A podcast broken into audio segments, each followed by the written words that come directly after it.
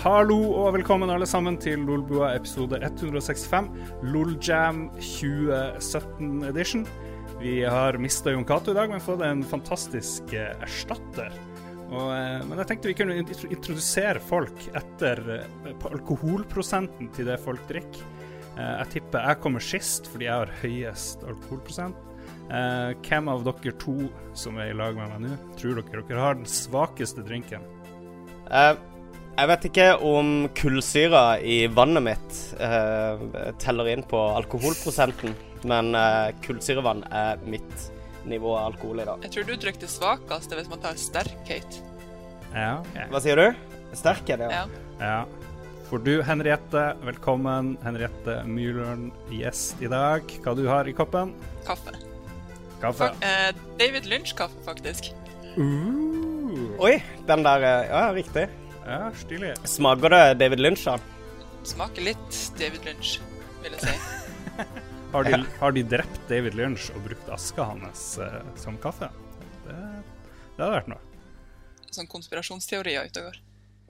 Det kan være. Han er jo en evig produsent av døde hudceller og andre ting som, Ja. som ramler av kroppen underveis, så det er ikke umulig at det er der de har Jeg, ut, jeg sier at det er en suksess, den introduseringsmetoden. Fordi når jeg hilser og sier at jeg heter Lars uh, Rikard Olsen eh, og drikker øl, så har jeg det sterkeste desidert, selv om det ikke var helt vilt. Og Magnus Tellefsen hadde det svakeste med vann med kullsyre.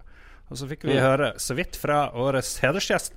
Og eh, jeg og du har aldri møttes, men du og Magnus kjenner hverandre. Og så kjenner du i hvert fall Jon Cato, vår eh, sviker, som eh, inviterte deg med, men dumpa oss alle, inkludert deg, i siste liten. Ja, jeg møtte jo han eh, Magnus i går, faktisk. Uh. Ja, foregårs, tenker jeg vi sier. Forgårs. Du lå sikkert og sov i går. Vi, vi var nemlig på Klekken sammen. um, som uh, våre mest innbitte fans i Lolbua Entourage kanskje har fått med seg, så foregikk det ikke så veldig mye interessant der å publisere, annet enn en, eh, en, eh, en veldig sein eh, eh, sekvens av Facebook Messenger-meldinger sendt mellom meg og Jon Cato der på, eh, på tampen av kvelden. Mm, det, ja. Jo, dere har vært Ja. på den her, den her uh, spillsamlinga hvor det bare drikkes. stemmer det, eller hva skjer ellers? Ja Drikking og oppdatering av eh, industrien på landsbasis. Ja. Bransjetreff kalles det visst. Ja. Yes. Og så, er, så driver du og gjør noe veldig spennende, Henriette. Da tror jeg, Var det i fjor eller var det i forfjor dere hadde sånn svær artikkel annet i Eurogamer og sånne ting om uh, splash-jammen deres? Så da, da tenkte vi jo med en gang at ok, vi må ha Henriette med som gjest, men det skjedde ikke før nå. Fortell litt om den splash-jammen deres. Det er ikke sikkert ikke alle som vet hva det er. Ja. Splash det er en uh, game jam som uh, vi har på Hurtigruta.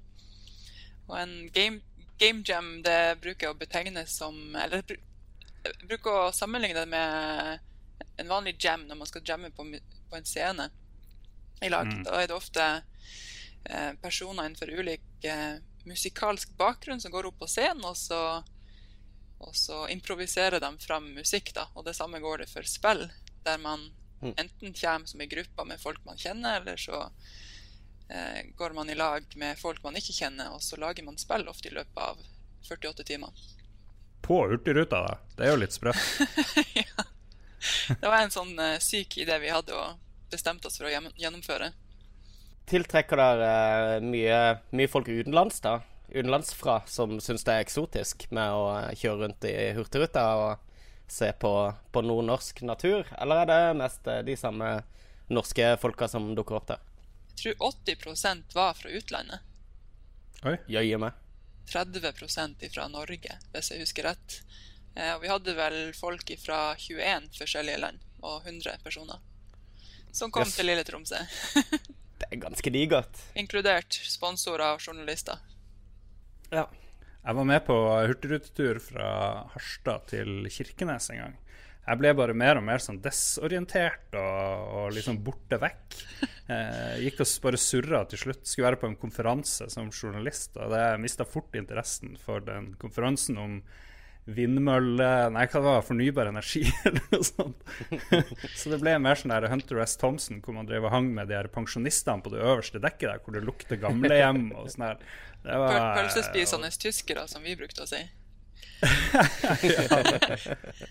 Vi merka det ja, for på Dere har ikke båten alene, har dere det? Har dere leid eh, hele Hurtigruta for dere sjøl, eller låner dere bare en, en, liten bit av den? Eh, det er, vel plass, er det sånn det funker? Nei, det er plass til 600 stykker, tror jeg, på den uh, hurtigruta som vi har vært på, som vi skal være ja. på neste gang, som heter Finnmarken.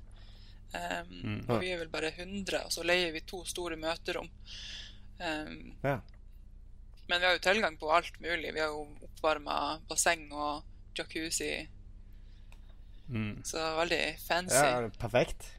Hvordan, hvordan, kan folk eh, eh, melde seg på hos dere og, og, bli med på det? Skjer det på invitasjon, eller, er det, eller kjører dere eh, påmeldinger som vanlig? Vi har ei Facebook-gruppe som heter Splash Jam This Jam is the Ship på Facebook. Eh, og så har vi eh, splash-jam.com, der man kan gå og lese litt om jammen og melde seg på nyhetsbrevet. Og det er på den sida vi også kommer til å legge ut påmeldingslinken den 1. Da er det førstemann til mølla, for sist gang så ble det utsolgt på ti minutter. What? ja, ja, riktig. Ja, Har dere vurdert å ekspandere, da, eller er det en størrelse dere er komfortable med? Vi er ganske komfortable med den størrelsen, fordi for da, da får du følelsen av at du er i lag med en gjeng eh, mennesker som du også har mulighet til å bli kjent med. Hvis det blir for mange, så mm. blir det eh, litt sånn upersonlig. Men også i tillegg så vi, får vi jo sponsorer for å redusere prisen på Hurtigruta. Og da, for hver eneste person vi legger til, så må vi også ha sponsorer. Sånn at vi, vi har satt en cap på 100 for å klare å, mm. å ha et mål å jobbe mot. Ja, det, ble, det ble veldig sånn proft intervju her. Jeg føler vi ble litt for proff her. Uh, oh. ja. kan, ikke, kan, ikke, vi ta det litt ned i søla? Kan vi få noen lydproblemer nå? Bare sånn, ja. sånn at vi, vi krasjer, krasjer hele greia. Men på den der hurtigruta Det er jo begrensa hvor mye vi, vi, må snakke om én uh, ting. Vi må hoppe over litt sånn må, jeg, Helst skal vi jo ha en sånn samtale, ikke, ikke et intervju. Men jeg, har dere mista noen? Liksom? Er det noen som har falt over bord? bruker noen å bare forsvinne. Liksom. Det er jo en svær hurtigrute, og det er litt vanskelig. Og 100 folk, jeg vet ikke. Hva er det som bruker å skje av litt sånn uforutsette ting?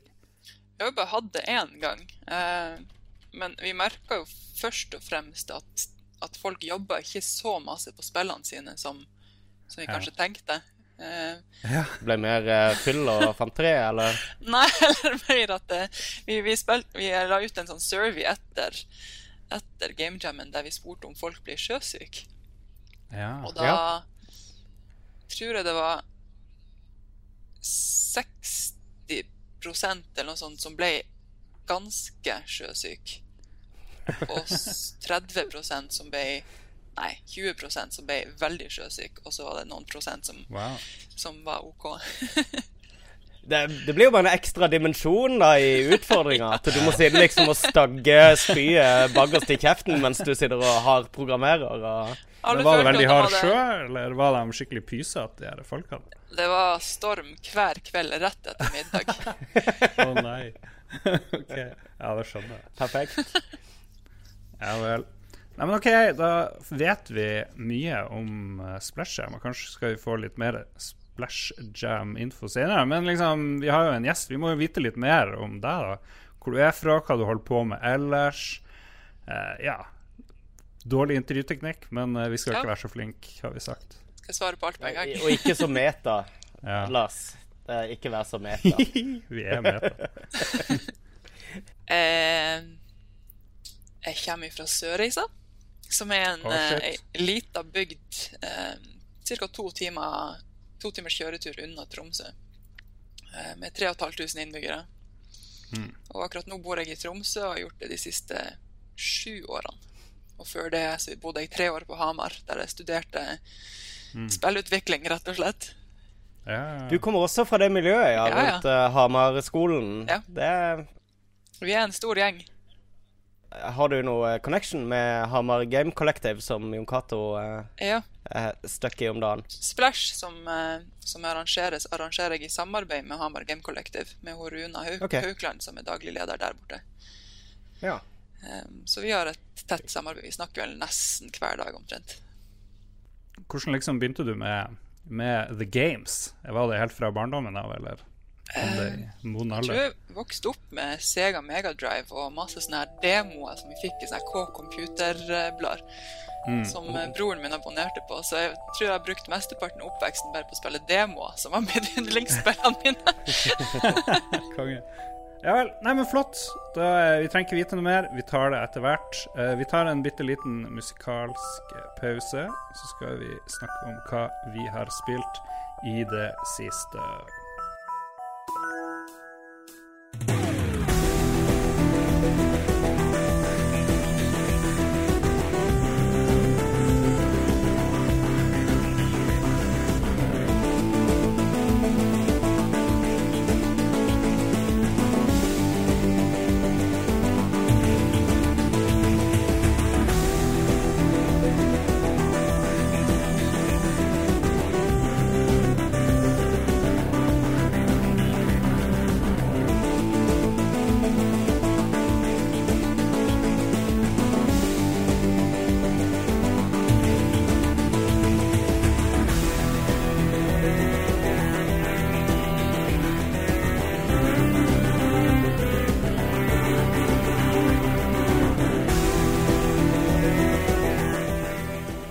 Back.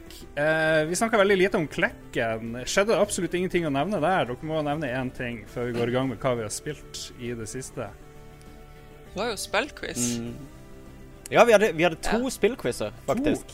Og to stykk. For det, eh, vi hadde lagd en på oppdrag for PlayStation som, uh, på House of Nerds. Vi skal faktisk ha en ny en nå på lørdag på House of Nerds, for de som hører på på fredag. Ehm, så eh, vi hadde en avtale med PlayStation om at eh, vi kan kjøre den en gang til, bare som en sånn bonusquiz. For det, det er så mange på Klekken som eh, eh, som gleder seg til quizen. Så vi får så mye henvendelser Ja. hele tida på at vi skulle hatt mer quiz osv. Så, så. så vi kjørte en til sånn nede i baren da, sånn eh, på kveldstid. Eh, og premien var en PlayStation 4 Anniversary Edition som går for 1000 dollar på eBay og uh, fins i noen få tusen eksemplarer. og er Nummerert og i plast og en skikkelig nydelig greie som veide 3000 kilo, tror jeg. For det var nesten bare den hele veien. Jeg Um, prøvde å løfte på den. ja, jeg hadde den med meg fra Nydalen og på bussen til, til Hønefoss og videre. Ja. Jeg husker ikke hvem som vant den, for det, jeg var ganske full da. uh, og jeg husker bare at la, uh, nei, Jo Cato etter hvert bare begynte å avbryte meg mens jeg leste opp spørsmål, og bare brøyt inn og bare fortsatte. Og det var da jeg skjønte at OK, Ah, nå har jeg kanskje ikke helt kontrollen her. Så uh, skjønner. ja. du hadde sykt løs på den, i hvert fall. ja, jeg så noen la ut bilder av den på Twitter, men jeg klarer ikke i farta å huske hvem det var. Det var to, to menn som delte på den. Ja. Husker jeg i hvert fall. Jawohl. Bra. bra.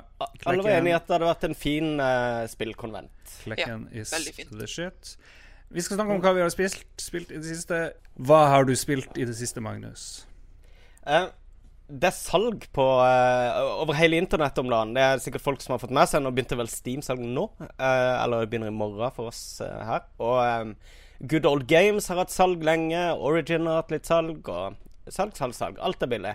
Og helt tilfeldig så snubla jeg over eh, eh, eh, Dragon Age Origins. Altså det første Dragon Age-spillet fra 2009 Ja. som jeg har en 60-70 timer på, på Xbox 360 i sin tid, men jeg aldri fikk fullført. For jeg, jeg gikk lei, rett og slett. Jeg mista motivasjonen og eh, uoversiktlig combat og alt sånt på konsollversjonen. Men så tenkte jeg nei, nå går jeg inn og, og tester PC-versjonen, for nå jeg leser jo litt fantasy, og jeg driver jo binge-watcher Game of Thrones, så jeg er veldig fantasy-hakket om dagen. Ja. Så nå har jeg vendt tilbake til det spillet, og det er jo dødsbra! Dragon Age Origins. Seriøst. Jeg betalte Jeg betalte 40 Nei, 37 kroner, tror jeg jeg betalte, for eh, Ultimate Edition for PC. Eh, og det er sånn 150 timer med spilletid. Så du er en idiot hvis du er en PC-eier og ikke benytter deg av et så godt tilbud. Hvis du er glad i fantasyspill.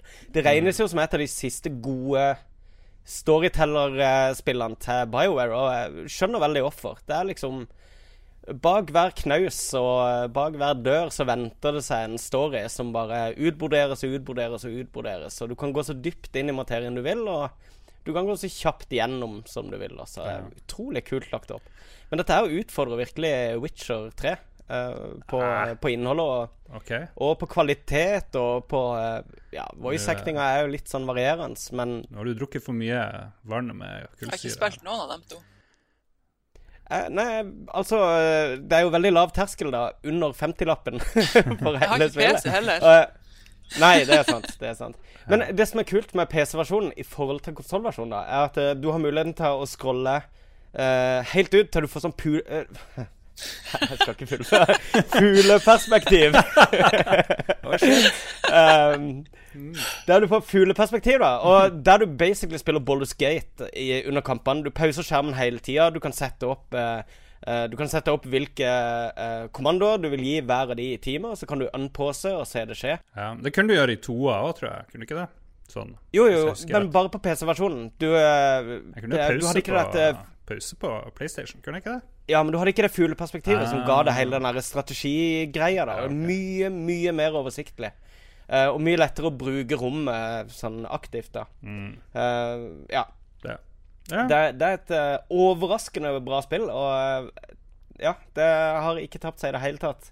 Hvis uh, folk er ferdige med Witcher 3, så vil jeg anbefale dem å ta et, Mm. et lite dypdykk i BioWares gamle samling. Jeg vet ikke om det er remake av det der Dragon Age. At det liksom Det er på PC, du Nei. spille det. Ja. Det er ikke det, men uh, det fins jo også masse mods da som har Mm. fiksa opp i alle bugs som eksisterer i spillet. De har oppgradert en del teksturer og lagt inn litt sånne der, eh, nyttige funksjoner for mer moderne rollespill. da Så uh, jeg kan sikkert legge ut ei liste over mods jeg bruker for å gjøre spillet litt mer moderne, men Mm. det er veldig lite komplisert å gjøre det, og uh, ja Up to date, i hvert fall. Bra. Skal vi se. Jeg, jeg har spilt veldig lite i forrige uke, egentlig. Pluss E3 og alt det der der. Så, men jeg har liksom sittet på jobb og hit og dit spilt det her forferdelige Magikarp Jump. Det her er Ja. gratis uh, Pokémon-spin-off-spillet til mobiltelefoner, hvor du skal feite opp en fisk og få en Magikarp til å hoppe så høyt som mulig. Ganske meningsløst. Det var veldig morsomt første to-tre timer, kanskje, og så blir det bare sånn du gjør det samme hele tida, så må du vente på at du skal få lov å gå videre og gjøre meningsløse Ja, det, ting. Det er den magic carp som regnes liksom som den udugelige Pokémonen. Ja, Ikke sant? ja. Det er en fisk som har ligger og, og eh, flakser på land. Ja. Og har alltid vært liksom omtalt som den der tragikomiske Pokémonen, så vidt jeg har forstått det. Jo da, men kan, du kan evolve den, men så lenge du ikke har evolva den, Ja. så Mest er ikke ubrukelige. ja. Jeg syns det funker som en gag, og det var gøy i et par timer, syns jeg. Ja. Eh, men alt er liksom bare terningkast, da. Alt er tilfeldig. Så, så alt du gjør, er å bare være et sånn bindeledd mellom uh, et, en serie med tilfeldigheter. Så jeg følte ikke jeg hadde noen påvirkning på åssen spillet utvikla seg i det hele tatt. Neida. Og det tar bare masse tid, og de tigger om penger hele tida. ja, ikke direkte, da, men sant, du går jo tom for Nei. Ting å ta Ja, OK, på min, uh, i min versjon så tigger han ikke etter penger, men uh, Nei, de gjør det ikke direkte, men det er jo kjedelig hvis du er nødt til å vente så mye. Ikke sant? Og det er jo Det er sånn blackmailing av gameplay. Det er det verste jeg vet. jo. Men jeg er vant til Jeg har bestandig et sånt der spill som er free to play, som jeg sitter og kakker på helt til jeg blir lei. Men jeg har liksom holdt på en Ja. uke nå, i hvert fall. Med det der, bare sånn innimellom. Bare for å se hvor lang, lenge jeg klarer å holde på før jeg gir opp. Hvor høyt level kan jeg bli uten å, uten å betale Ja. en eneste krone. Så Hvor ja. mange sånne turneringer har du vunnet, da? Eh, Jeg er vel på min fjerde, tror jeg. Eller noe sånt. Det tar bare lengre og lengre tid, de her turneringene. Fordi Ja, jeg tror jeg kom sånn to og en halv eller noe, tror jeg jeg spilte før jeg ga meg. ja. Jeg brukte jo å designe Facebook-spill som var free to play. Mm. eh, I et firma som heter Playfish. Og det føltes ut som at Ja. man drev med ondskap. Så liksom de sju dødssyndene du følte. Jeg husker jeg fant en artikkel på internett av liksom hvordan designe free to play, og da de sju dødssyndene du skulle følge. Grådighet og sjansi sjalusi og sånn. er veldig bra. Ja, for det, eh, det, det, det er det konseptet jeg ikke er noe glad i. Når de liksom gjemmer gameplayet fra deg. Mm. De, de gir det en halvtime med moro, og så er det Ja, så holder de det Så må, som må du ha hjelp som ti venner for å komme videre. Ja. Og da må man kunne spamme Facebook-veggen sin med, med forespørsler. Ja. Folk må gjerne Altså Hvis de vil at jeg skal se en eh, reklamefilm i ny og ne, så går jeg med på det. altså Jeg skjønner, jeg skjønner jo at eh, en skal jo ha noe penger tilbake for ting som er tilsynelatende gratis. Men eh, ja, jeg er ikke noe glad i det der med å bare betale for å slippe tid. Det syns jeg er tullete. Ja. Nei, men det, det er en sånn lunken anbefaling av Magic Carp Jump. Hvis du ikke er spilleavhengig eller predisponert for det, så kan du trygt, trygt eh, teste det noen timer. For det er ganske mye morsomt. Eh, Det er mye humor i det der. eh, I encounterene. Og så er det litt gøy at plutselig kan du miste karakteren din, eller fisken din.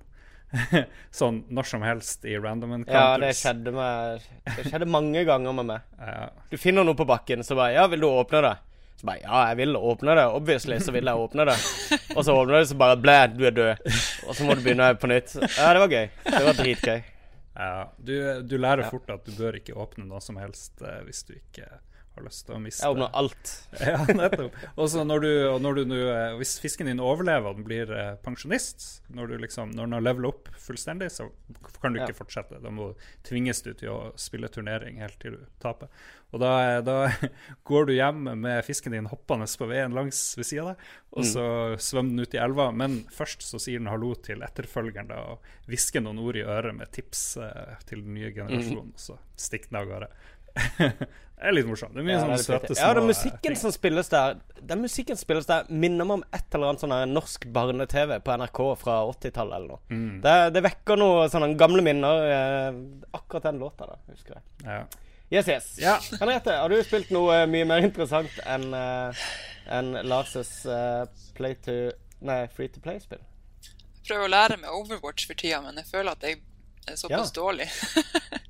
Ja, man er gjerne dårlig i Overwatch helt til man er flink. ja. jeg, skulle, jeg skulle egentlig tro at det gikk bedre siden jeg har spilt så masse Battlefield. Helt, jeg har spilt Battlefield siden ja, Battlefield 2, tror jeg.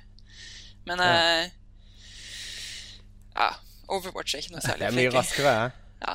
Altså, Det er mye altså, er så raskere og mye trangere. Så mange forskjellige karakterer du må kunne. Du må liksom huske så masse. Ja.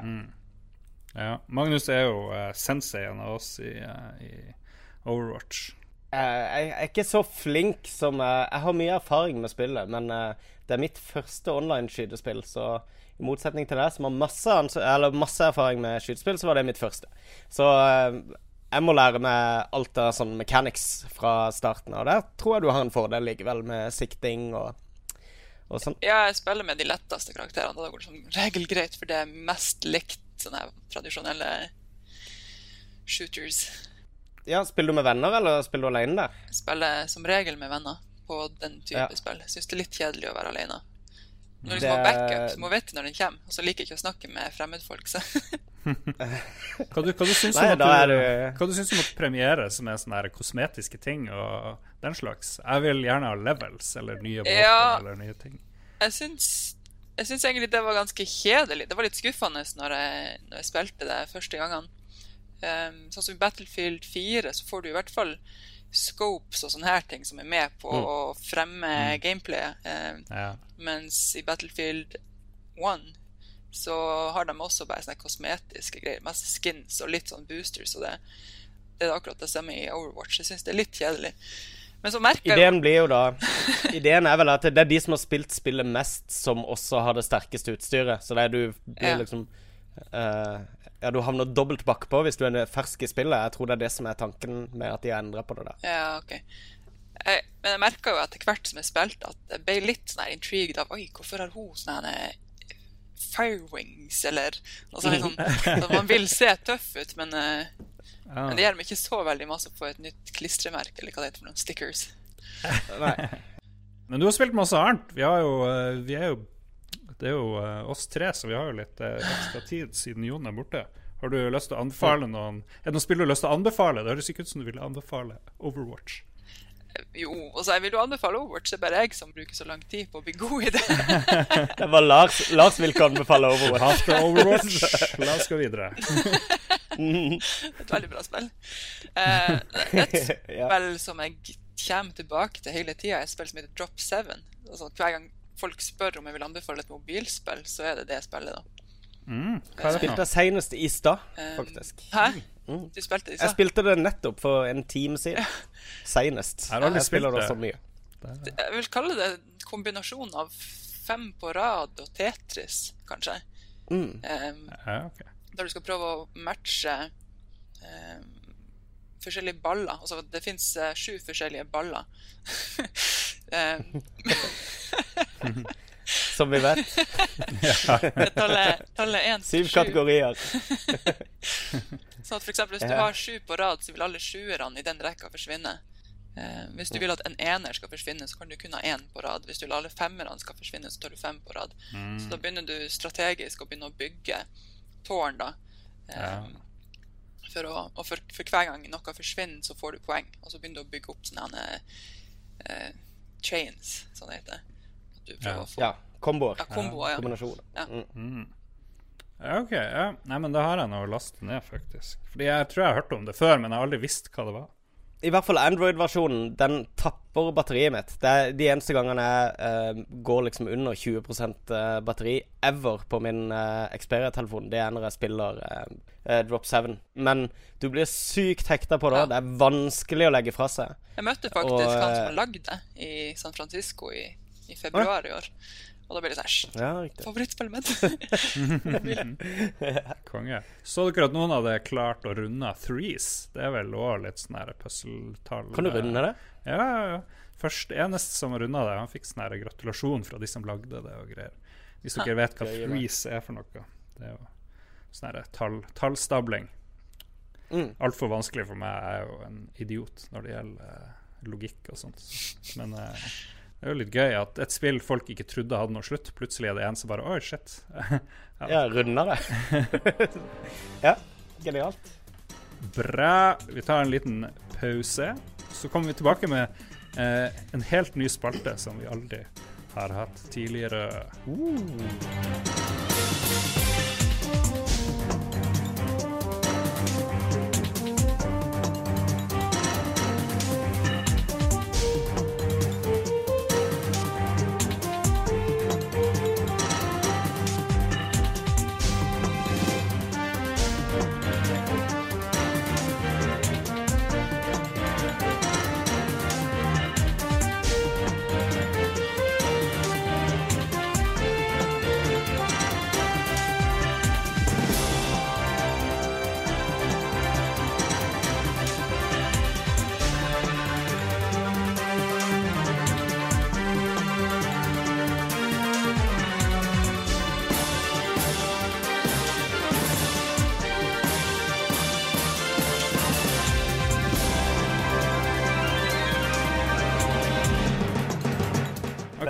folkens, hallo og velkommen. Vi er tilbake. Vi skal, vi skal gjøre noe eh, Løy kanskje litt, altså, vi hadde aldri gjort det tidligere. Men jeg ba folk si hvilket spill de hadde lyst til å lage eller lyst til å se. Og så, siden vi hadde en sånn um, Game Jam-spesialist, så tenkte jeg vi skulle ha vår egen Volgoa Game Jam her. Hvor vi liksom tar for oss de her forslagene. Kan både Magnus og Henriette og meg kommentere de, og så kan vi kanskje prøve også å lage en sånn indie game-utviklervri på det, for noen av de her er litt sånn standard, så vi kan liksom se om de hadde klart å vri det om til uh, en sånn der uh, ting de ville lage litt sjøsjuk på, uh, på Hurtigruta. Jeg begynner med han Bjarte Rossehaug, som, som kommer med et litt morsomt forslag. Jeg har sagt det tidligere, men uh, Krillbiten må lage et strategispill om å drive loppemarked og eventuelt korps. Eh, Jon Cato har jo mildt sagt ekspertise på området, og det har han jo. Eh, det er veldig mye vi må justere innspillingstidspunktene etter loppemarked og korps. Etter loppemarkedet, ja. ting. Og det høres jo veldig, det høres jo veldig indie ut å drive, og lage et spill om når loppemarked og korps, sånn i utgangspunktet, da. Jeg vet ikke om dere er enig i det? Jo, jeg føler det er, det er kanskje ikke så fjernt fra denne ideen med mosaikk med dette rotteracet. Det umenneskeliggjørende samfunnet og sånne ting. I hvert fall hvis du ser det fra Jon Catos perspektiv. Så tror jeg nok at, eh, at han eh, er sikker på at han har sittet der med de der eh, i de møtene og, og krevd at, eh, at det må være et element av korps i mosaikk. Ja, fordi Mosaikk er det nye Krillbite-spillet han er med på å Ja. presse frem. Dere fikk jo se litt av det. Hvordan så det ut, forresten? Jeg, Jeg fikk ikke testa det. nei. Det så eh, De har en eh, ny sånn her mekanikk for å kontrollere hvor spillene går hen, og det at du driver og drar rundt Ah. med musepekeren i stedet for å kontrollere med piltastene. Men Mm. Er jo eksperter i å lage kjedelige spill, holdt jeg på å si. så, så han pitcher det sjøl. sånn som hun sier Karl om å jobbe. Ja, Ja, jobb. nettopp. konge.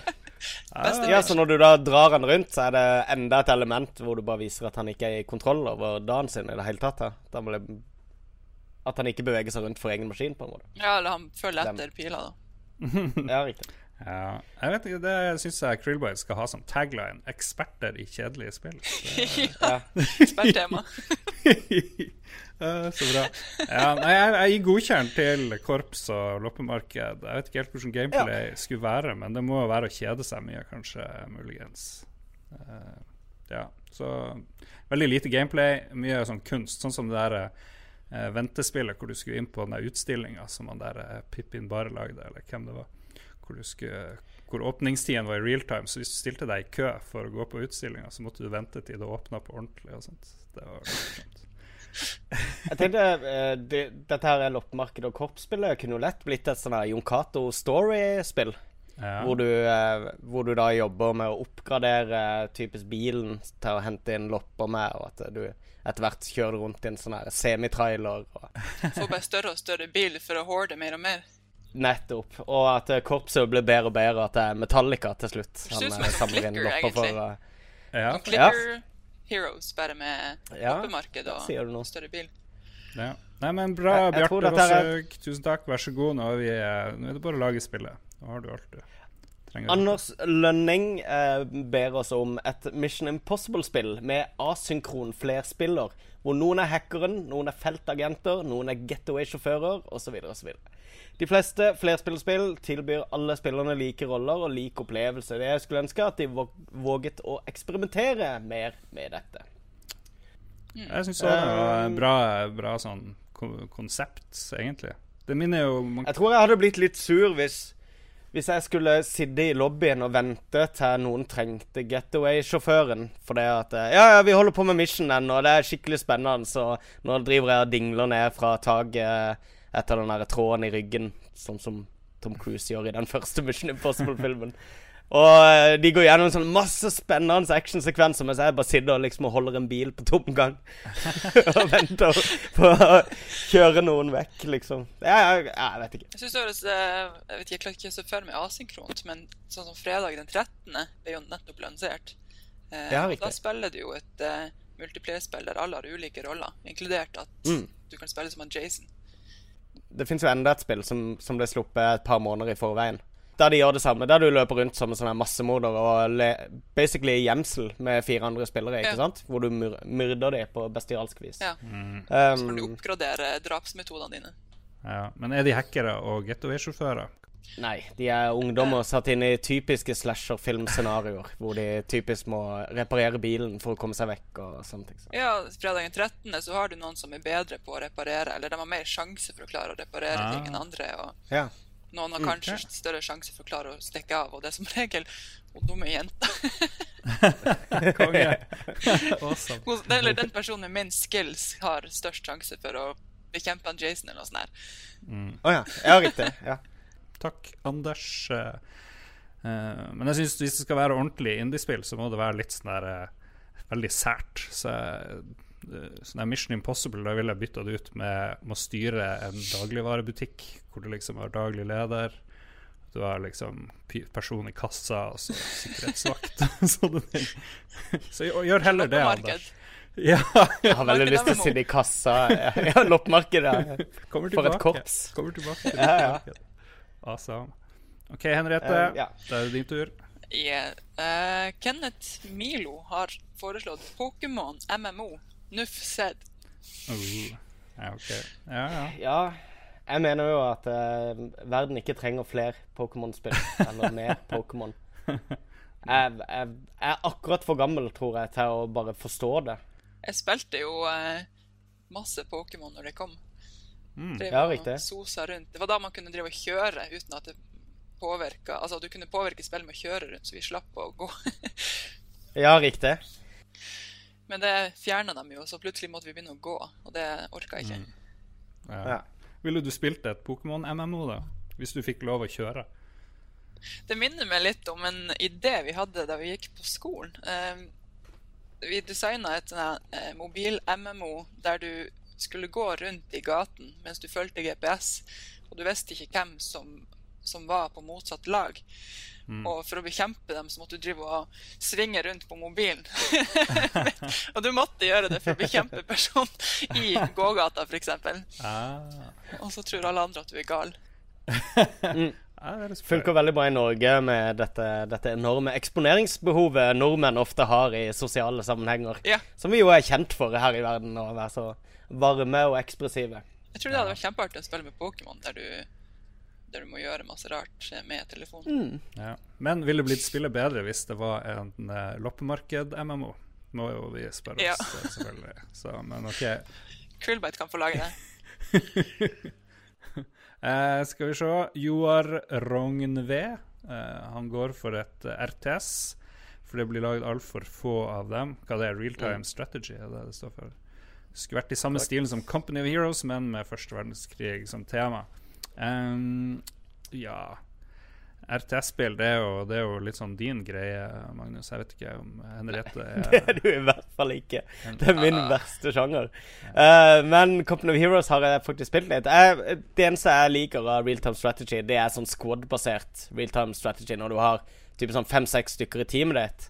Og, og kun forholde deg til å styre akkurat de rundt, og ikke trenger å eh, med sånn basebygging og innsanking av ressurser og sånn drit som jeg alltid er så dårlig til.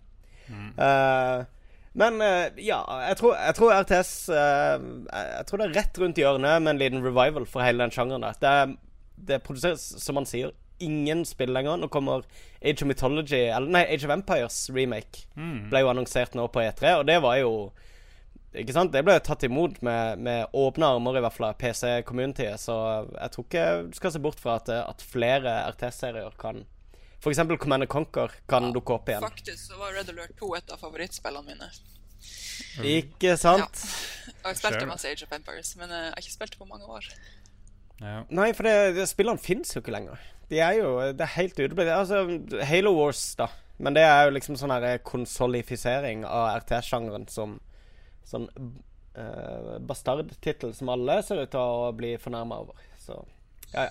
Ida Cecilie Joint eh, foreslår Animal Crossing, bare at alle er dinosaurer. Eventuelt Far Cry Blood Dragon, bare med dinosaurer. Ida er med andre ord veldig glad i dinosaurer og 80-tall, og kanskje litt eh, landbruk òg, tenker jeg, med Animal Crossing. Jeg tror eh, dinosaurer er på tur tilbake, faktisk. Ja, du har jo Ark, da. Er jo veldig dinosaursentrert, er det ikke det? Ja, Horizon Zero Dawn. Og så også den neste. Vi kan slå det i hop. Henriette ser du han Kevin Aleksandersen. Jeg tror han Ja, vi ser Oi. et del eh, dinosaurspill. Yes. Uh, et one of a kind dinosaurspill der du velger hvilken type dinosaur du vil være. Og så starter du fra egget, og så skal du prøve å overleve så lenge som mulig i en farlig, men nydelig verden. Jeg føler at det fins basically løpe mot Løpe fra det sprekte egget mot elva med, med sånn fugler som flyr over og prøver å plukke det opp. Ja, det Jeg vet ikke om jeg hadde hatt lyst til å være en eh, dinosaur, akkurat, men uh, Ah, Hva heter det gamle Ja. spillet der du starter som en liten organisme, og så blir du en dinosaur eller noe sånt? Spore? Nei. Eh, hæ? Du tenkte ikke på Spore? Spore, jo. Ja. ja, Eh, Blir man en dinosaur der? Nei, sikkert bare et landdyr eller noe sånt. Ah, ja, du kan, du kan designe litt sånn livsformer og sånne Ja. ting. ja. Det er et veldig undervurdert uh, spill. Spore. Men uh, survival-sjangeren er jo veldig inn uh, akkurat nå, da. Så litt Ja. sånn, Og hvis dinosaurer er på tur tilbake, så er jo survival-dinosaurspill Syns jeg høres veldig sånn Ja, da trenger du bare å uh, gå inn i Steam, Lars, og så laster du ned Ark, som er et uh, survival-spill med dinosaurer. ja, men du må være en dinosaur. Det er oh, ja. Ja, riktig. Ja. Riktig. Ja, ja. Nei, men det Ja, OK. Bra. Skal vi se Marielle Lien. Hun vil ha et detektivspill med masse cold cases og bevis og sånt som man skal prøve å løse. Eh, poeng etter hvor sannsynlig løsningen ens er. OK. Uh, snakker hun om uh, det der uh, Er det ekte cold cases? Ja, det hadde vært bra. For det hadde jo uh, Altså, da snakker vi om liksom om serial uh, the video game. Det hadde jo vært Oi. fett. Jeg tror Om det. noen hadde klart å liksom gamify uh, en eller annen sånn her dokumenttilgang på cold cases. Hvem er det som skal Ja. sitte Så folk- og vurdere hvor sannsynlig løsninga er? Ja. Ja, jeg tenkte òg på det. At uh, kanskje det krever at uh, du har noen utviklere med enorme talenter for løsninger av saker, da. Som Kanskje det er et sånn type Secret Hitler-spill der eh, deltakerne Et sånt kortspill der deltakerne sjøl må sitte og stemme poengene, og så Ja, eller eh, at det er en som er seriemorderen, da. Så, så eh, ja, ganske close. Jeg gir deg en åtter. Men jeg lurer på om vi er inne på fremtidens rettssystem, hvor alle er, kan sjekke alle sakspapirer og snakke med alle vitner. Og så stemmer alle til slutt på hvem som er den skyldige. Og den, den som blir valgt som skyldig, han er skyldig. Sånn er det bare. Jeg går jo og håper på en eh, remake av LA Law, The Video fra eh, 1993 eller et eller annet sånt. Som jeg elska. Som var der du, du var Du kunne velge, tror jeg, mellom de forskjellige advokatene i LA Law som du var. Og så hadde du så mye tid til disposisjon før en sak, før en rettssak da, og så måtte du bruke tida på å ringe de folka du trodde ville være mest nyttige for å samle sammen clues og argumenter til rettssaken. Så begynte rettssaken, og så måtte du vite når du skulle objekte, og hva du skulle basere det på, og hvilket bevis du skulle eh, fremvise, og sånt. Det var dritgøy. Jeg vet hvem som skal remikse eh, musikken til LA Law-spillet. Det må jo være han Epic Sex Guy som eh, kommer inn, inn i, fra kulden. Ja, perfekt. Um, Rikard Martinsen Koteng uh, foreslår her Åpen uh, verden hvor du tar rollen som en seriemorder. Det er mye mørkt her i Entourage. Drapene må planlegges nøye og møysommelig dekkes over. Alibi må skaffes som en hitman. Bare evil. Low-key, ikke noe overdrevet, bare creepy og forskrudd. Ja, ja. Jeg har litt Ja. sansen for det, men det er jo Er det moralsk rett å, eh, å gjøre det her? Det er jo Hva det heter de der eh, brutale spillene som bare var å drepe, og du var en sånn gærning? Og PlayStation 1-spill. Uh, Postal, tenker du på, eller? ja, nei, ikke Postal, men uh, ja. Det var vel uh, Rockstar eller eh, de der som Manhunt, var det noe? Manhunt, ja. Mm. Ja. Men Manhunt var jo satt inn i en kontekst da, der du var, du var kidnappa og var tvunget til å kjempe for ditt liv for å spille inn sånne reality-snuff-filmer. og ja, Ja. ja. Jeg føler at nesten alle spill er sånn her. Du er jo egentlig en seriemorder. Du bare dekker over det med en fin historie. ja, ja, nettopp. Nettopp. Mario er en fucking serial killer. Der han driver Hvor mange liv har ikke han på samvittigheten, f.eks.? ja. It's a me. Jeg husker jeg hadde en idé til et spill en gang hvor, uh, um, hvor du helt til slutten av spillet vil bli presentert med forklaringer om at uh, alle disse eh, menneskene du hadde drept underveis i spillet, i, i situasjoner du oppfatta som truende modell mot noen du var glad i, og sånn, eller oppdrag du ble, ble gitt, og sånn, alt skulle vise seg bare at det, alt skjedde inni hodet ditt, og at du basically de mennene i dress du har drept gjennom hele spillet, var egentlig sånn kvinner og barn på kafeer og og sånne ting. Um, det realiserte jeg aldri, så det var kanskje like greit. Um, men seriemorder er jo en, eh, en, eh, en eh, god, gammeldags go to-setting, er det ikke det, for dataspill?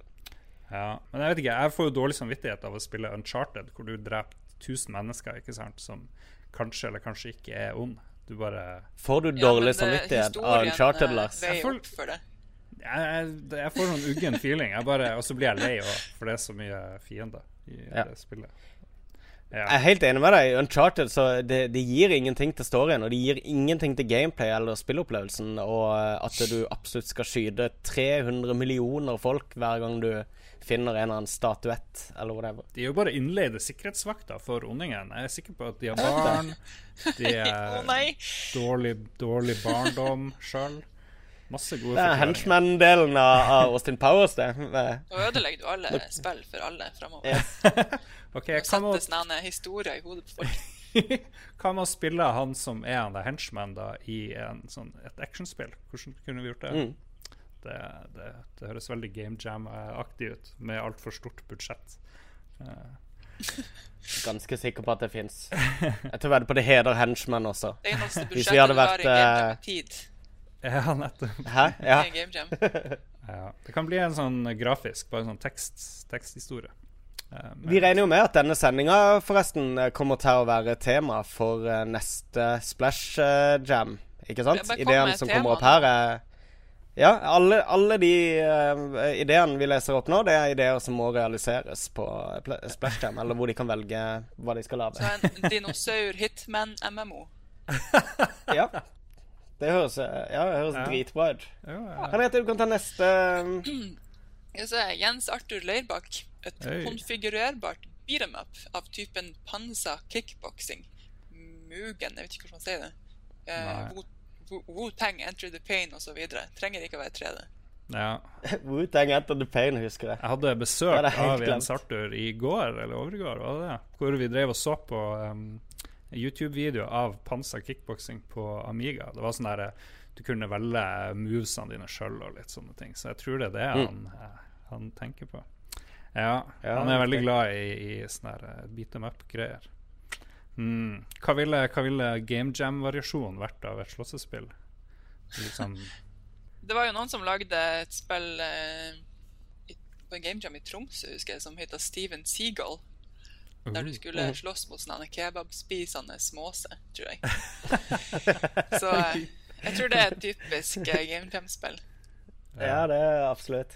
Eventuelt som et sånn her eh, Q-Wop-type spill hvor du, hvor du styrer eh, armer og bein separat med hver sin knapp. Ja, Um, ja det er typisk. Sånn som Manuel Samuel. eh, Å sette opp et, eh, et slåssespill fra den modellen tror jeg kunne funka lett. Ja. Mm. Jeg vil ha et sånt spill hvor du programmerer inn på forhånd hvordan de skal slåss, og så må du liksom trykke på start på begge to, og så ser du hva som skjer. Kan være litt fort kjedelig. Slåssing er jo mye å reagere på, eh, på andre, da. Du fjerner jo hele reaksjonselementet hvis du eh, Ah. forhåndsprogrammerer fighten. Men så dere eh, den videoen jeg la ut på i Lolbu Entourage-gruppa, hvor det var sånne japanske robotkamper?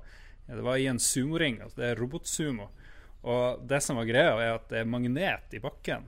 Så de robotene kan bevege seg utrolig kjapt. Ja. Og det var helt sykt Ja, det var helt vilt å se på. Det var sånn her, ja. Og de var forhåndsprogrammerte, eller de liksom kjente igjen hvor fienden var, og så for de litt hit og dit og var programmert til å ikke gå utafor sirkelen. Og de var så sykt raske, så jeg ble plutselig livredd for, eh, for at Terminator skulle komme, og at han beveger seg 100 ganger så fort som eh, Arnold Schwarzenegger, fordi det er jo altfor sakte. Er sånn her Robot Wars. Ja. Ja, bare. Ja. Bare Japan edition. ja. Det var skummelt. Jeg ble direkte engstelig. Jeg vil ikke slåss mot en robot. Det, jeg tror ikke jeg gidder det hvis Nei. noen foreslår at jeg skal gjøre det. Nei. Frem til i går så ville du ha takka ja. Ja. Ja. Tatt utfordringa på strak arm. Jeg hadde bare tatt med en sånn kost, og så hadde jeg gått inn i ringen med de vanlige Robot Wars. Så bare holdt og dratt frem en pistol. Men de her eh, sumo-robotene de eh, bevegde seg så fort at du rakk jo ikke å se hvor de for engang. Og alle sammen satsa liksom på sånne lavt tyngdepunkt-løsninger med en sånn skuffe på eh, foran. Ah, Det var liksom Det var en type modell som gikk igjen, og det er vel de som gjør det bra i disse Robot Wars og sånne ting. tydeligvis. Ja vel. Lars. Er det meg? Eh, Lars Ja, Lars Hagen Halvorsen, hallo. Som gammel skater Ja, det var den lange meldinga. Han, har- han har tenkt lenge på hvordan skate det mest realistiske ja. skateboardspillet, og det, her må du følge med, Magnus. Uh, Ja. Eksempel, du skater flat ground i 20 minutter, så sitter du på en buss i et kvarter til en ny spot. Så prøver du samme trikset i 25 minutter, og så gir du opp, og så drar du tilbake til det Nei, du drar til en nytt spot, klager over run-upen, jeg vet ikke hva det er. Kjøp noen pils og chille resten av kvelden. Og så er det mye sånn du skal trykke triangel for å velge en unnskyldning. Og så er det sånn at spillet skal gå i real time òg, husker jeg han skrev her. Eh, hvor du blir bare eldre og eldre, og kanskje litt bedre, men så er fremdeles de yngre mye bedre enn det. Så Ja, det høres jo ut som uh, Ja, story of my life. Hvis du bare legger til at jeg, jeg hadde alltid en sånn crippling eh, skade som, uh, som skjedde hver dag. Som jeg gjerne kunne skylde litt på. Og, men som oftest førte til at jeg måtte gi meg for dagen. Jeg, jeg har slått meg veldig mye på skateboard opp igjennom. Eh, vi hadde jo eh, Altså, Skate-serien var superrealistisk. Altså, hvis vi Eh, så hvis, hvis noen kunne legge dette RPG-elementet sånn på toppen av Skate 3 på PC, så, så tror jeg vi har Da er det ferdig. Tror du ikke det? det, når jeg tenker på det her beskrivelsen av den her litt deprimerende skateboardtilværelsen han ser for seg, er det, så, så ringer det Eller jeg føler at det er litt sånn mye indiespill er. At det, det er ofte mye litt sånn depressiv emo-shit going on. Stemmer det, Henriette? Uh, ja, det kan godt hende. jeg driver og lager et spill nå som har den aller aller kjedeligste pitchen noensinne, tror jeg. Bortsett fra Krillbite sin, da. Eh, Kan du fortelle? Ja, det er jo at du er på hytta. Jeg har lest denne. Ja, nice. Jeg har lest den pitchen. Ja, du har lest den. Jeg stemmer. Ja. Ja. Er det, er det litt trist, og du er alene? Er det det det går på? Ja, du er alene. Prøv å rote opp i litt gammel historie. Ja, nice. Alene i Nord-Norge, Lars. Mm. det, Ja, det- det heter Lars, gjør det ikke det? det? Litt. det er der jeg bor. Det sp sp spiller jeg Vi fikk masse andre bidrag òg som ikke vi rakk å notere Ja. ned. Jeg kan jo bare nevne fort Point and Click Hotel Cæsar. Eh, var det noen som mente man burde lage. Det vi får sende. Du får ta kontakt med TV2, Marius, for de skal vel legge ned Hotel Cæsar. Eller jeg vet ikke helt om det går så bra med dem. Eh, spill hvor du skal være uh, ypperste prest for PC Master Race-sekten. du, du skal overbevise konsoll-noobs om at det er på tide å skaffe seg, skaffe seg flere flops og bits. det, er jo, det er jo morsomt. Ja. Animal Crossing og Tekken, ja. eh, et bedre spore, osv. Det var mye.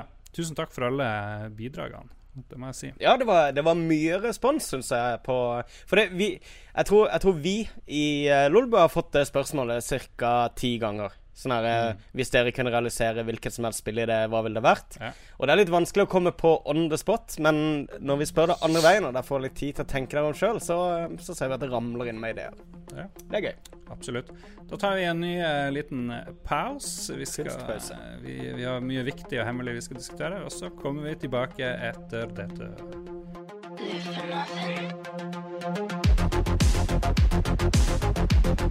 Live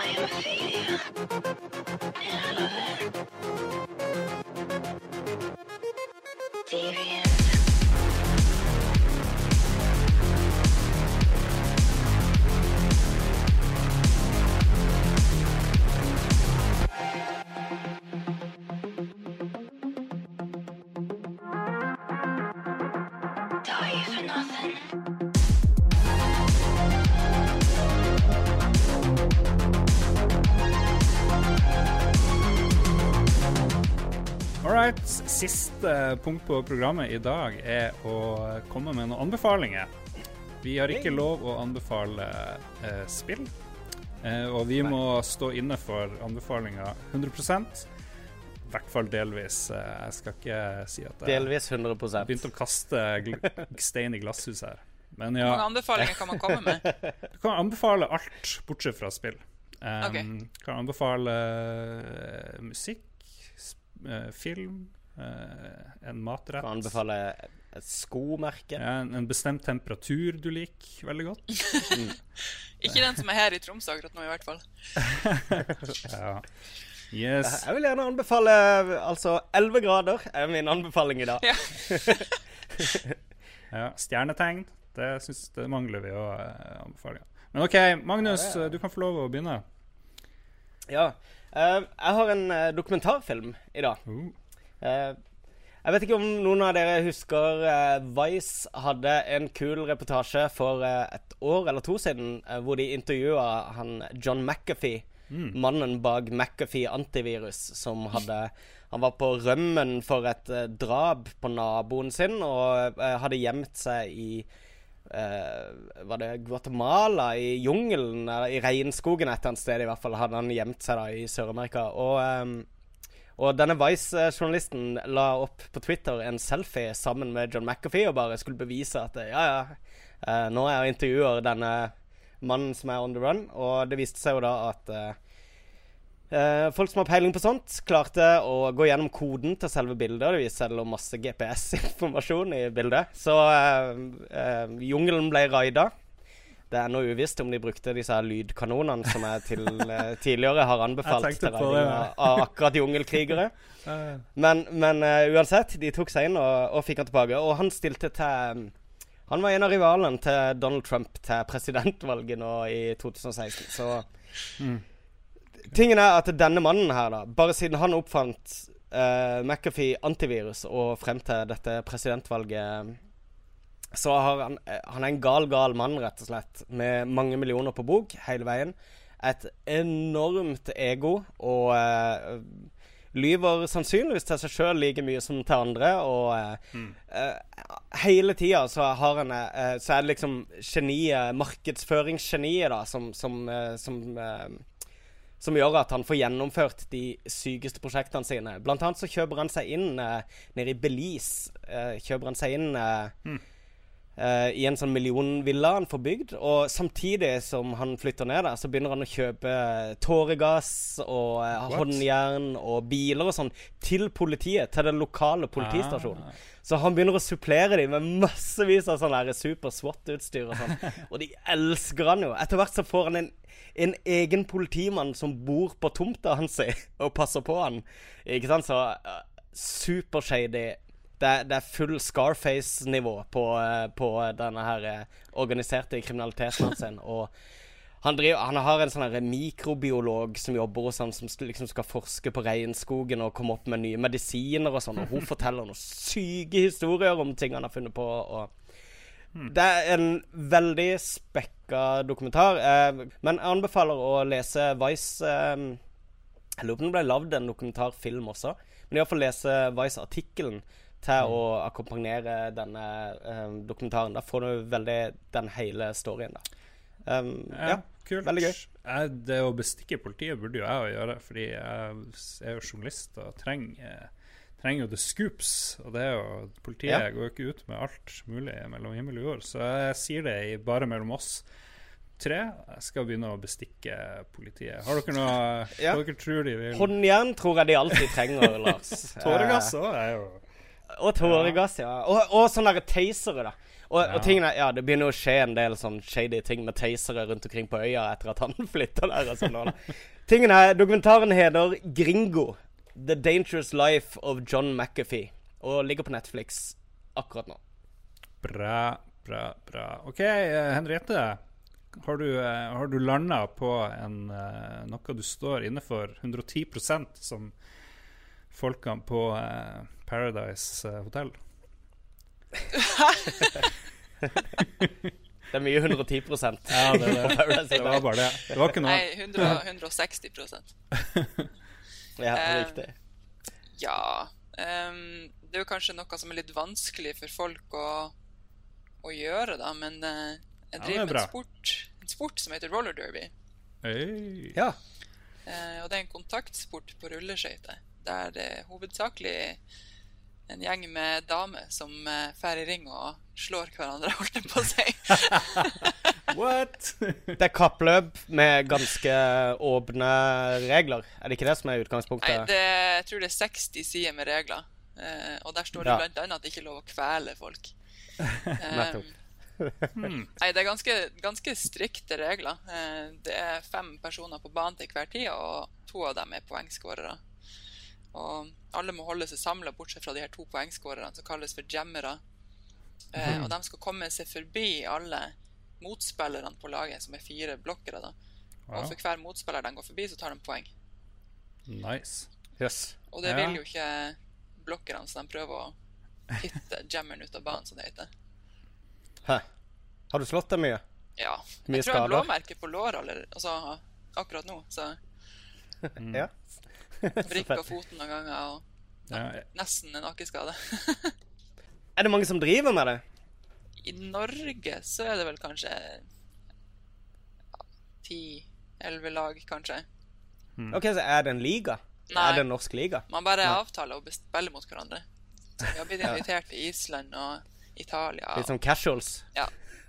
Du har jo, Ja. du har jo sånn eh, eh, rankinger, da, men det må man være registrert og godkjent for å bli med i del av. Det, er jo, det høres jo awesome ut. Det er litt sånn Ja, hooligan-oppførsel med regler, eh, på et vis. Ja, det det, er, det er akkurat som casuals. Casuals on wheels. Hvis jeg hadde dukka opp med sånne eh, gamle 80-talls-rulleskøyter sånn eh, der det er to og to rader med hjul, og, og jeg hadde kommet med den gamle skatehjelmen min og Da hadde du sklidd rett inn, for det er akkurat de skøytene Ja. jeg bruker. Er det sant? Bruker dere ikke rollerblades, liksom? Uh, Rulleskøyter, ja. Ja, Quadskates. det, ja. Som har sånne oh. bremser frampå, for at da kan du spurte på tærne. Ah. ja. Er det sant? Ja. Holy shit. Men jeg vil jo tro at det, var raskere med blades, da. Er det ikke det? Det er jo det man ofte bruker i sånn Ja, men poenget er ikke å være så rask. Poenget er å være stabil og sterk, og så har du de som Ja, eh, scorer poeng, som skal være rask og spretten. spennende. Har du lov å slå folk i trynet? Unnskyld, jeg avbryter. Nei, OK. Det Bruker er det tannbeskyttere? spesifikke plasser du har lov til å hitte folk. Ja, du har mouthguard. Ja. Og du har lov til å slå folk, bare ikke i ansiktet? Ja, du kan uh, slå med skuldra mot uh, Altså overalt bortsett fra hode, rygg og Altså du kan slå med hele kroppen egentlig, bortsett fra hode, rygg og under knærne. Jøye. Det her, er jo, det her er jo en hel episode vi kan snakke om det her, men eh, liksom, hva er appellen for deg, da? På, oppi det hele? Er du sånn her jammer? Du? Er du liksom Eh, Begge deler. Hovedsakelig blokker, tror jeg. Ja, okay. Jeg er så høy, så folk er litt redd meg. Å, nice. Ja. Det som er så fint, det som er så Dette fint kan du relatere til, Lars. det som er så fint med sporten, er at den er, det passer, er en rolle for alle. Um, Ja, det er det, ja. Uansett om du er Også for sånne små hobbiter som meg. Ja. Og, eh, og så har man også sju, opptil sju dommere som eh, står What?! Syv dommere? Ja, det er så mange Og så er det, og så er det ti stykker som. Det er to lag, ikke sant? To lag, ja. med 14 Og det er fem på hvert lag. 14 spillere på hvert lag, og så har du en innbytterbenk. Og så oh, ja. har du eh, hver runde varer Men bare fem aktive av gangen? Ja. Hver runde varer maks to minutter. To Og når minutter? den Så runden syv- er ferdig, så bytter man inn på fem, med fem nye spillere. Det høres helt uforståelig ut, hele sporten. Ja, ja, ja. Um, Anbefaler er det å se kamp. kan uh, Er det noe sted vi kan uh, sjekke ut uh, roller derby, norsk roller derby på nett? Har dere- Ehm, ja Hvis folk har lyst til å starte for seg sjøl, eller finne ut om noen i de sin by driver med det? De som driver på, er jo Oslo, Trondheim, Tromsø, Bergen, Stavanger ehm, Hamar tror jeg har begynt nå. Lillehammer, tror jeg. Hm. Um, sikkert noen. Byer med, med mye halvidrett fra før, med andre ord. Ja, det ja, det er litt Altså, man må ha parkettgulv for å spille. Helst. Byer med mye aggresjon. Byer med parkettgulv og eller betong. Ja, for det, det, å nei, det, er ikke, det er ikke på sånn som Det er ikke på sånn uh, Sånn skrått gulv, holdt jeg på sånn, å si. som Sånn i, arena. sånn som i Whip It-filmen. Har du ikke sett den? Eh, kanskje. Den har jeg ikke sett. Nei, der er det Men- litt sånn en spissa Men sånn innendørs sykling, da. Hvis du vet hva jeg mener. Ja, det, det De kalles De for kapper og eh, sånn. bench bench, bench bench track, tror jeg. Uh, okay. Men det er på Det er flat track. Så Ja. vi Ja, for forsken, det finnes jo sånne filmer. Hva du kalte? Whip It? Og så er det noen sånne berømte Det er jo noen andre greier òg, er det ikke det? Rollerball. Rollerball. Ja, ja, ja, det? det er det jeg tenker på. Jeg tenker bare på, jeg tenker på filmene på rulleskøyter, egentlig. Det er vel det jeg tenker på. Jeg tror det er veldig mange som starter med roller derby pga. Whip It, tror jeg. Mm, OK, da må jeg se den. Riktig. Og mye anbefalinger her på en gang. Men det er kun jenter som holder på, eller er det gutter som holder på? Eh, det fins guttelag òg, men dem- det er litt færre av dem. Eh, men så har man jo alle de her dommerne, og så har man, tror man tror, Det er jo så lenge siden jeg har studert.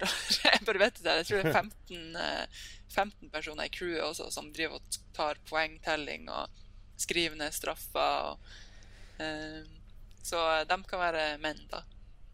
Nei, men bra. Det var jo Ja. årets anbefaling. Det må Ja, det vil jeg si. Ja.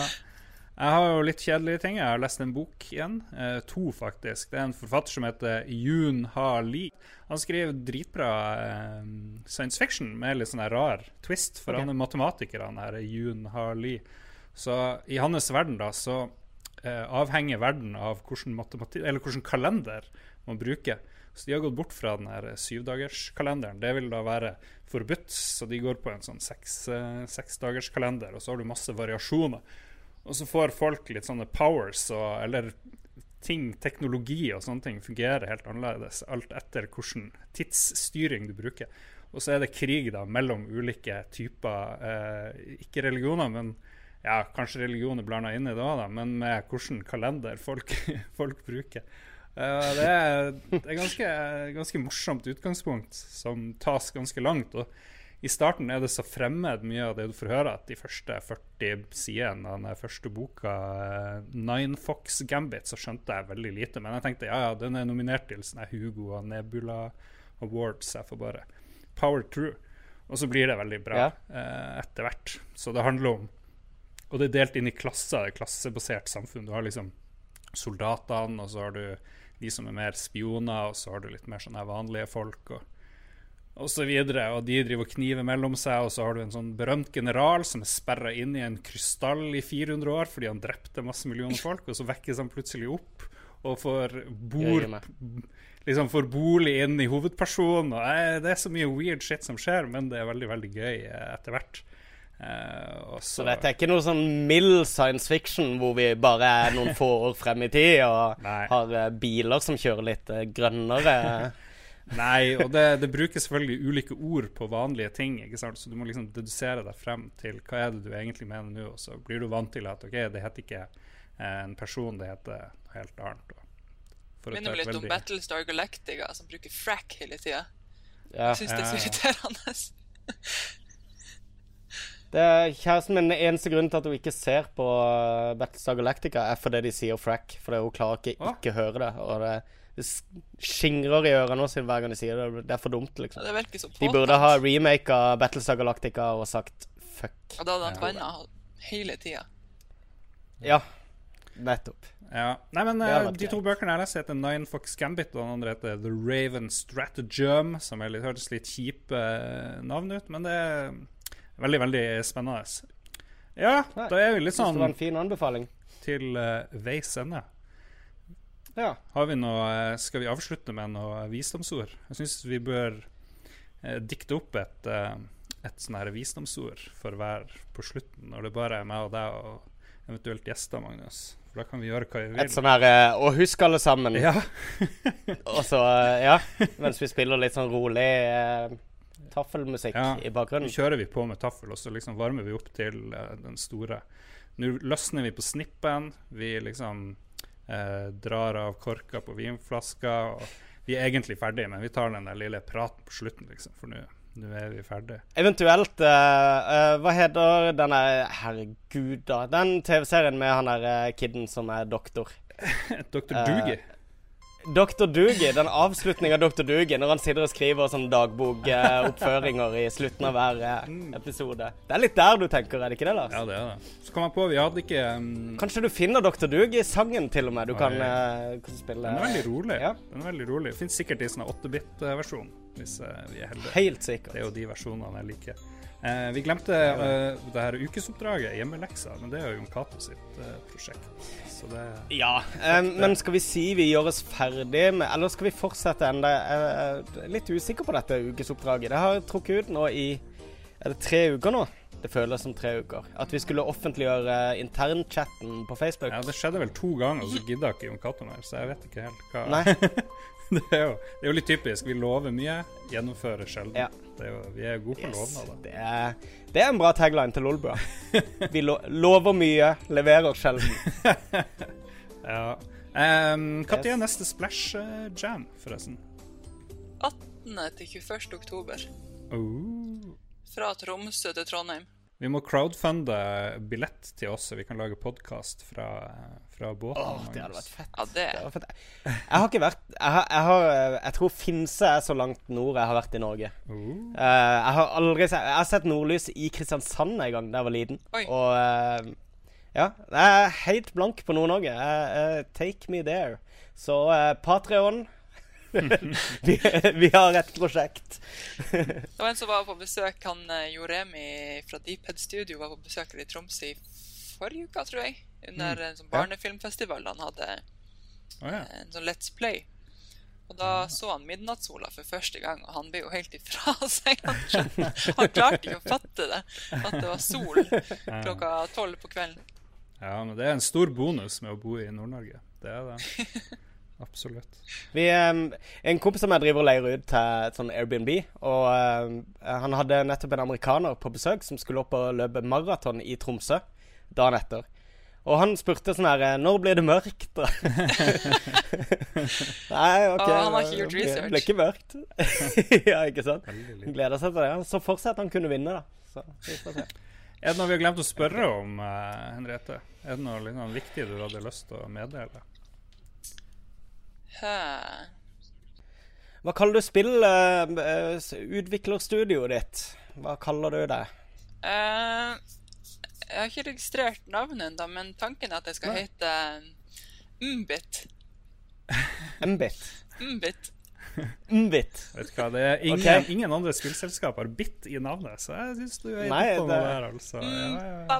Ja, eh, det er, eh, hva de heter for noe, de der kidsene? Silver? Nei, ja, samme det. Uh, Handsome Brothers. Ja. Um, Nei, men bra. Jeg syns vi har blitt godt, eh, litt godt eh, kjent eh, med deg, Henriette. Tusen takk for at du ble med. Veldig utrolig bra. Så, eh, så begynner vi vår kronerulling ganske snart for å uh, joine Hurtigruta. Jeg tror folk Ja. kunne hatt uh, godt av å høre dere eh, være veldig, veldig kvalm. Jeg blir ikke sjøsyk, jeg, da. Jeg, Nei, det sier alle. jeg- ja, jeg har blitt sjøsyk én gang som barn, men ja, det, ja, hvem vet. 95% av dem som deltok og som blir sjøsyke, eh, ville komme tilbake da. Så jeg syns det var Ja, verdt det. ikke sant? Det er sånn spy ned i bøtta og tommel opp. Ja. Og ja, men da, da føler jeg du er i mål. Nei, men Da tror jeg vi sier ha det. Er det noen som har tenkt på en bra eh, sånn der, eh, avslutningsgreie? Avslutningsreplikk. Nei, jeg har ingenting. Ja, jeg har kom på noe som eh, Da jeg gikk på forfatterstudiet, så var det ei som hadde et kult dikt. Husk, noen ganger så er alt vi har, banan. jeg vet ikke, det er bare jeg som syns det var morsomt da. Det er muligens bare jeg som syns det er morsomt Jeg tror det var bare det. ja, men det, Men det var en perfekt avslutning, nei, det vet jeg ikke. Du Eh, må si det på engelsk, og sakte. Ja. og sakte. Jeg skal øve meg til neste gang. Men, eh, men um, dere må huske at de her Rabbits-folkene fra det der nye Mario Rabbits, Mm. der springer de rundt med banan. Så det er en morsom ting. I seg sjøl så er banan et humorobjekt. Det vil jeg påstå. Det er nok riktig, ja. Yeah. Nei, men vi sier ha det bra. Ja, vi sier ha det bra. Ha det. Ha det, folkens. Ha det.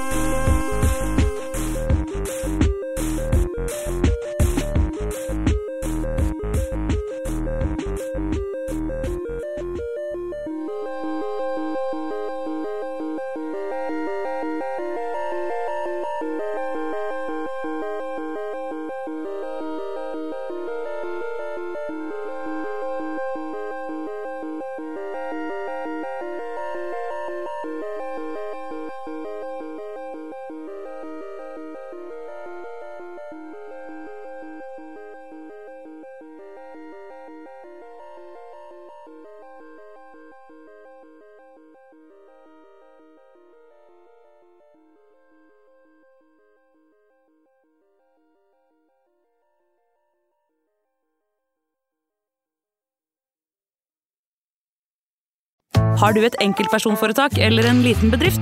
Da er du sikkert lei av å høre meg snakke om hvor enkelt det er med kvitteringer og bilag i fiken, så vi eh, gir oss her, vi. Fordi vi liker enkelt. Fiken superenkelt regnskap.